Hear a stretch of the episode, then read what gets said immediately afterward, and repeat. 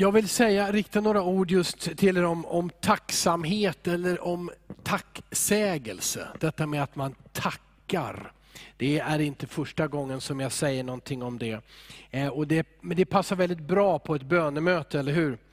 Vi har gröna och röda lappar här. De röda står för böneämnen och de gröna står för tacksägelseämnen, eller grund till att vi vill be eller tacka.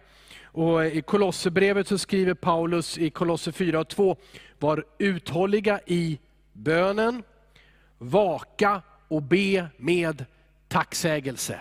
Det hänger alltid ihop. Bön och tacksamhet. Det här är någonting som Gud tänker. Och vet du, ett vanligt ord för det som vi just har firat, nattvarden, eh, ett, ett, ett ord som finns inom den katolska kristendomen, Eh, ehm, det kommer från grekiskan. På grekiska heter det oikaristia. Kanske känner du igen det. Oikar, oi, oikaristen eller eukaristen i den katolska kyrkan är nattvarden. Och vad är betydelsen av detta grekiska ord? Jo, det är tacksägelse. Den här måltiden i de katolska kyrkorna heter tacksägelse. Och den firas alltid i samband med bön. Eller hur? Ja, du läser om det i Korinthierbrevet.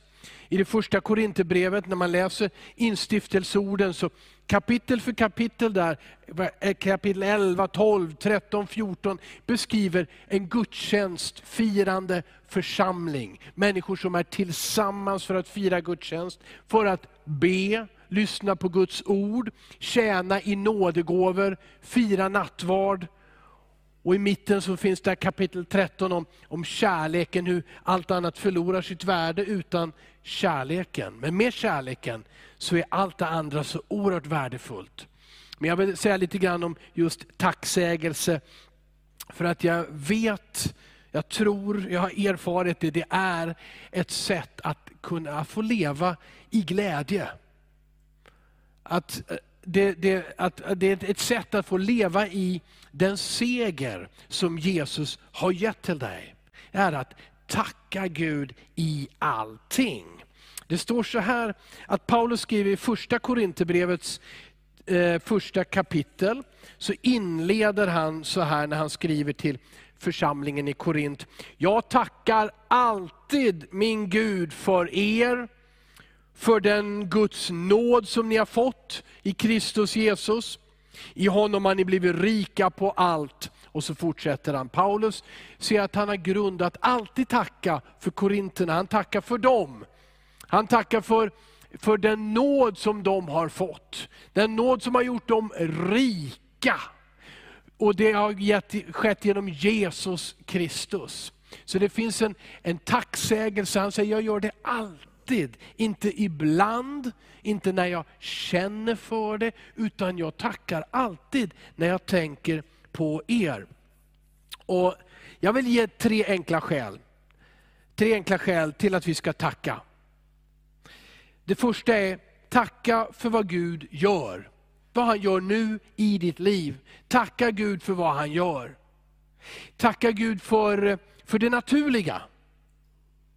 Eh, vi tänker ofta inte efter över just det. Men det är så värdefullt att stanna upp och göra det. Har du någonting att tacka för? Ja, vad bra. Och jag föreslår till den som inte kommer på någonting, tacka för rent vatten. Ja, tacka för rent vatten. Du, det, det, kan du göra flera gånger om dagen, eller hur? Det kan du göra varenda dag resten av ditt liv om du har rent vatten resten av ditt liv. Och det finns goda chanser, någon gång har vi haft något undantag. Tacka Gud för det naturliga. Det finns alltid massor att tacka för. Massor. Och Det här är ett val som man gör. Men, men tacka också för bönesvar. Det var ett, eh, Albert du läste upp ett bönesvar här. Det var någon som tackar Gud för, för nåden och, och, och, för allt som, som Jesus gör. Ja men gör det. Och var också specifik. Tacka inte bara för allt han gör, utan tacka Gud för, för saker du har bett för och som du har fått svar på. Välj att tacka Gud för det naturliga, det som verkar finnas där, det som är där för alla, Eh, ja men det är ju rent vatten är bra för alla, att solen lyser är bra för alla, att ibland regna på åkrarna är bra för alla. Det är så mycket som är bra för alla. Men tacka också för det som du vet och minns, det här har Gud gjort för mig. Det här gör han för mig. Jag ska vara snabb tänker jag och inte tala länge om varje punkt. Så det andra, om vi börjar med att vi tackar för vad Gud gör, det är att bli ännu mer specifik och tacka för vad Jesus har gjort på korset. Tacka alltid för vad Jesus har gjort på korset. För att hur det än är, så kan mycket av det andra, av livets goda, kan i perioder tas ut ur våra liv. Det gjorde det för jobb i gamla testamentet. Han förlorade familj, och hus, och ägodelar och allting. Och eh, sin goda hälsa förlorade han. Han förlorade allting. Det togs ifrån honom. Och, men där är, så det, det här kan hända i våra liv. Men det kan aldrig tas ifrån dig. Att för 2000 år sedan har någon redan gett sitt liv för dig. Han dog för dig för att rena dig från all synd. För att bryta dödens makt, bryta rädslans makt över dig. Att vara bunden, att följa begär eller känna sig tvingad att göra någonting. Allt det här bröt Jesus Kristus när han dog på korset. När Gud uppväckte honom från de döda. Han har gjort det till ett Guds barn. Så tacka för allt som han gör. Men tacka också specifikt för det han har gjort. Jesus Kristus har frälst dig. Och det är så stort. Bibeln säger att han har bytt plats med dig och mig. När det står att Bibeln gör oss rättfärdiga, trots att vi var orättfärdiga, då är det så att Bibeln förklarar att Jesus har bytt plats med dig och med mig. Han var rättfärdig. Han var ren. Han var syndfri. Han var allt som Gud ville ha. Och Gud hade sin absoluta glädje i honom. Men Jesus bytte plats och tog vår synd, vår skuld, vår orenhet, vår orättfärdighet. Han dog för oss.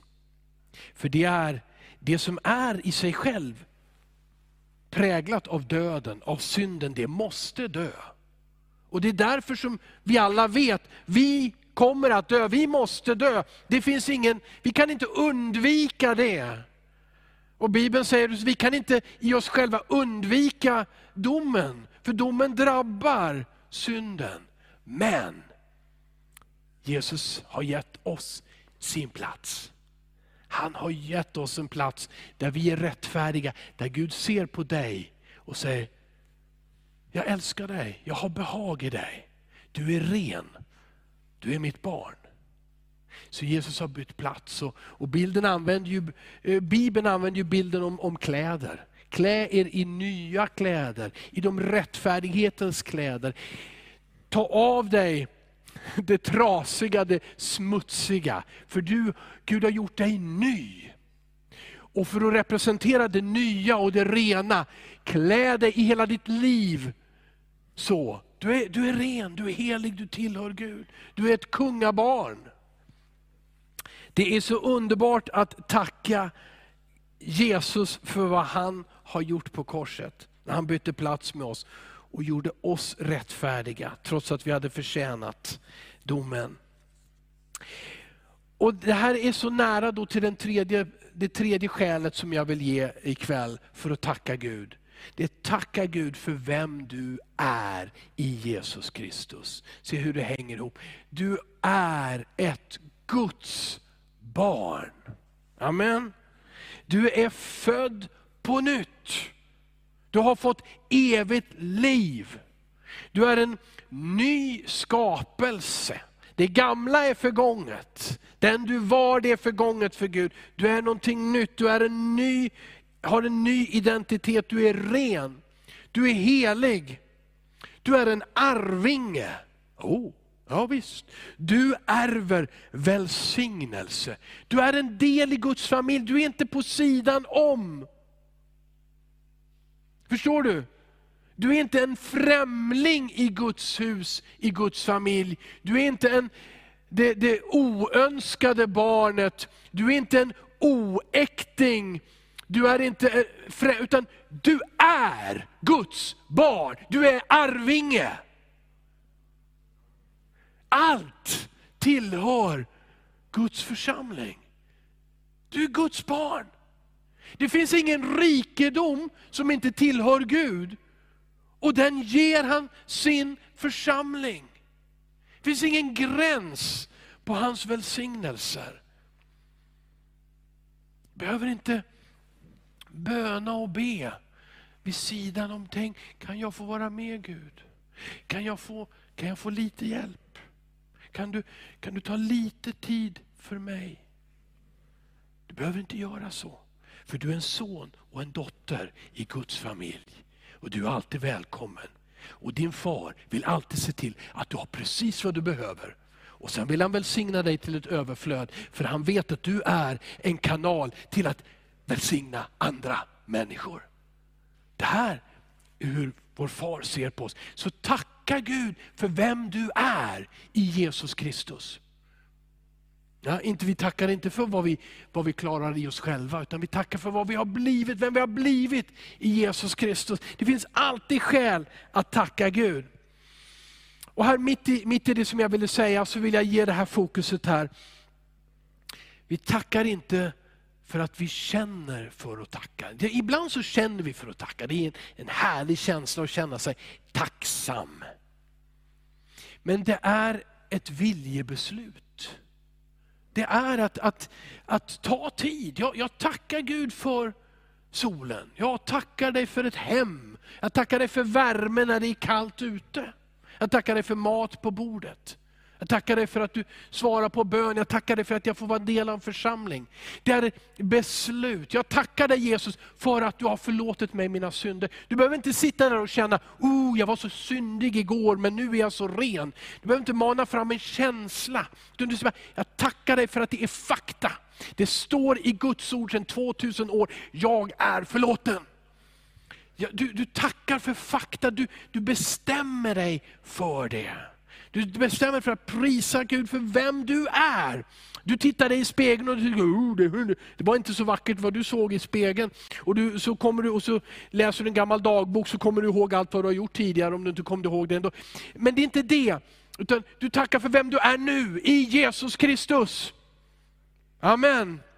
Det här är ett viljebeslut. Inte ett känslobeslut. Det här är tankarna det är ett slagfält. Och det är där, det är där du dag för dag vinner eller förlorar. Inte, inte förlora på det sättet att Jesus tappar bort dig, för det gör ju inte han. Han är ju trofast. Vi är inte trofasta, men han är trofast. Han tappar inte bort dig, han glömmer inte bort dig. Hans nåd är ny varje morgon. Men det är där i tankarna som du och jag också kan förlora för den dagen det som Gud ville att du skulle få gå. Han ville att du skulle leva med en glädje, även om det fanns grund till att vara ledsen. Han ville att du skulle leva med en seger, för du är ett Guds barn och han har sänt dig. Hans plan för dig är att idag göra goda gärningar som han har förberett. Hans plan är att genom den heliga Ande ge dig en kraft som du inte kan fatta hur stor den kraften är i dig. Hur han kan göra mycket, mycket mer inom de nästa kommande minuterna eller timmen än du kan föreställa dig. Förstår du? Du hinner inte tänka igenom under de här sekunderna och minuterna vad Gud kan göra i nästa stund och vad han vill göra. Men vi har en kamp i våra tankar. Och det är där vi vinner eller förlorar. Och där tror jag, där jag är övertygad om att tacksägelse är en nyckel. Det är en nyckel. Att tacka för vad Gud gör. Att tacka för vad Jesus Kristus har gjort. Att tacka för vem du är i Jesus Kristus. Amen. Amen. Och så vill jag bara beröra några resultat utav att tacka Gud än en gång, även om jag redan har gjort det. Men Tre resultat. Tacksägelse leder alltid till tillbedjan. Det leder till tillbedjan. Jag tänkte när jag tänkte igenom de här punkterna, ja, men jag, jag tackar för vad du har gjort. Jag tackar för vad du har gjort på korset. Jag tackar för vem jag är. Och, jag, och så tänkte jag, jag tackar för vem du är. Jag tackar för vem Gud är. Ja, men vad är det? Jo men det är ju tillbedjan. Vem du är Gud. Och det, det här är en stor tanke och ofta är det svårt att, att tacka Gud för vem han är. Det är mycket lättare att tacka för vad han ger mig, eller hur? Han, han, han förser mig på olika sätt. Och tack för det, det här var konkret och det, det var en hjälp och så vidare. Det känns lite filosofiskt och lite stort ibland för att tacka för Gud, vem han är. Men, men det här, när du, när, du går, när du tänker så här, när du går de här stegen och kommer till, ja, men jag tackar dig Gud för vem du är. Då, då brister, alltså det går inte att stoppa länge, det brister ut i tillbedjan. Och enligt Jesus är tillbedjan målet för ditt liv. Så den tid ska komma, ja den är redan här, säger Jesus.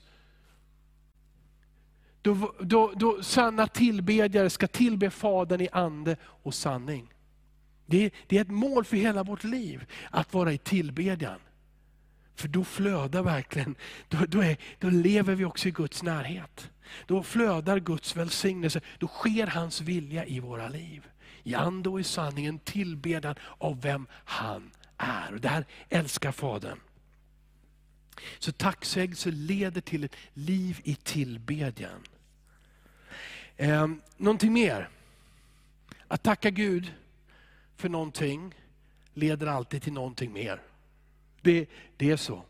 När du tackar Gud för vad han har gjort, för vad du har, då leder det alltid till någonting mer. Eh, jag, vi tänker att du får en, en vacker gåva, jag ska lyfta på den här. Du får en vacker gåva utav en vän, du tycker att du, det här vill du tacka Gud för. Herre, tack för att du har gett mig det här. Tack. Det här var fint. Det här är vackert. Den här vill jag ställa någonstans där den syns. Absolut. Ja, det är strålande det här. Den här är min nu. Ja, den är min nu. Ja, tack. Den är min. Ja, den är min. Ja, ja, den var din men nu är den min. Ja, den, ja, det här är min. Den är fin. Den här måste jag ta hand om så ingen tar sönder den. Jag ska försäkra den också så att ifall någon tar sönder den så, så får jag tillbaka pengar på det här. Jag ska ta hand Det här är min nu. Ja, det här är fantastiskt. Det här är min. Ska du, nej, ska du, nej, du ska inte få Nej, den här är min. Det, det, jag, jag fick den, eller hur? Ja, ja, du, du, ja, ja. Det finns alltid någon som ger dig någonting. Det, det, det här är min. Ja, ni förstår, jag, jag, hoppas att ni hänger med att jag försöker att spela lite teater här. Men, men eh, det finns ett bättre sätt. Det är, sätt, det är verkligen att säga tack Gud. Det är liksom att, att inte hålla så hårt i den här saken. Säga tack Gud, du har gett den. Du har gett mig en gåva idag. Tack Gud, för fantastiskt. Vad vackert du har gjort det. Men tack för att du har gett den och egentligen är allt är ju ditt hur som helst. Det finns ju egentligen ingenting som är mitt. Jag kommer ju liten och naken in i det här livet och ska väl lämna den lite större men fortfarande naken. Det blir liksom inte så stor skillnad. Jag hade ingenting och jag kommer inte ha någonting. Men tack för att nu. Och så tacksägelsen blir ett sätt att inte hålla i det där så hårt. Ni vet materiella saker, vad de kan göra med den bäste och den frommaste. Det gäller att, jag tänker också så här, att så länge jag håller i den här saken och säger det här är min. Det ena är att det kan bli lite tungt efter en stund liksom leva på gamla meriter, gamla välsignelser. Gud, Gud gav mig någonting för 20 år sedan, det var fantastiskt. Jag håller fortfarande i det, titta här. Det andra problemet är att mina händer är båda upptagna och fulla. Och kanske också mitt hjärta med det här. Men Gud har ju tänkt att han vill ge dig någonting nytt. Så det finns någonting väldigt pedagogiskt och viktigt i att släppa också det som Gud ger. Inte, inte kasta bort. Jag sa inte kasta bort det. Jag sa inte heller att och, och, och skämmas. Ja, Gud har, gett, Gud har välsignat mig. Oh, fy. Inte heller en, en falsk ödmjukhet. Där, nej men Gud, du ska inte ge mig, jag behöver ingenting. Nej, nej, nej. Nej men gör inte så. Om Gud välsignar dig och är det, en, är det den dyraste och finaste bilen, så men skäms inte för det, ta emot den då. Ta emot Guds välsignelse till dig. Skäms inte, tacka Gud för det. Alltså håll inte i det så hårt heller. Skäms inte för det, förneka det inte. Utan Gud vill genom människor och på det sätt som han gör det välsigna och hjälpa dig. Ta emot det, men håll inte i det som om det bara var ditt. Utan tacka Gud och säg, ja Gud i slutändan om det här är ditt så säger du att jag ska ge den här till någon annan. Det var ju några som viftade här nere och ville ha den här. Då, då kan jag ju liksom, då kan jag ge den till dig. Eller hur? Så får du en glädje utav den. Och Jag tror tacksägelse hjälper oss att inte hålla i saker. Och Jag tror att tacksägelse leder till att det finns ett moment där mina händer är tomma igen och jag undrar, Gud vad är det jag ska göra idag? Vad har du tänkt idag? Och så lägger Gud någonting i dina händer på ditt hjärta som är så värdefullt, så viktigt. Det här är någonting som sker i tankarna. Det här, här tar vi beslut. Jag vill tacka Gud. Och det leder till ett liv i tillbedjan. Det lever faktiskt till att vi får ännu mer. Och det leder till att vi får kraft. Vi får kraft genom den helige Ande. Det, är, det, det står så här i, i, i första Thessalonikerbrevet kapitel 5 och vers, eh, vi kan läsa vers 16, 17, 18, eh, kanske 19 också. Eh, då står det så här. Eh, var alltid glada. Be utan uppehåll. Och tacka Gud i allt. Tacka Gud i allt. Ibland så sker det en diskussion ibland oss troende. Ska vi tacka för allt? Ska vi tacka för allt? Ska vi tacka för allt elände också? Det, det här finns lite olika ståndpunkter. Det finns de som säger, nej men jag väljer att tacka även för det som är svårt. Jag tackar för det som gör ont. Och andra tänker, oh, fy vad jobbigt. Nej, inte ska tacka för det som gör ont, för Gud gör ingenting ont emot dig. Och, eh, det här är, jag tycker inte att det här är läget att positionera sig 100% hur du väljer att umgås med det som är svårt i livet.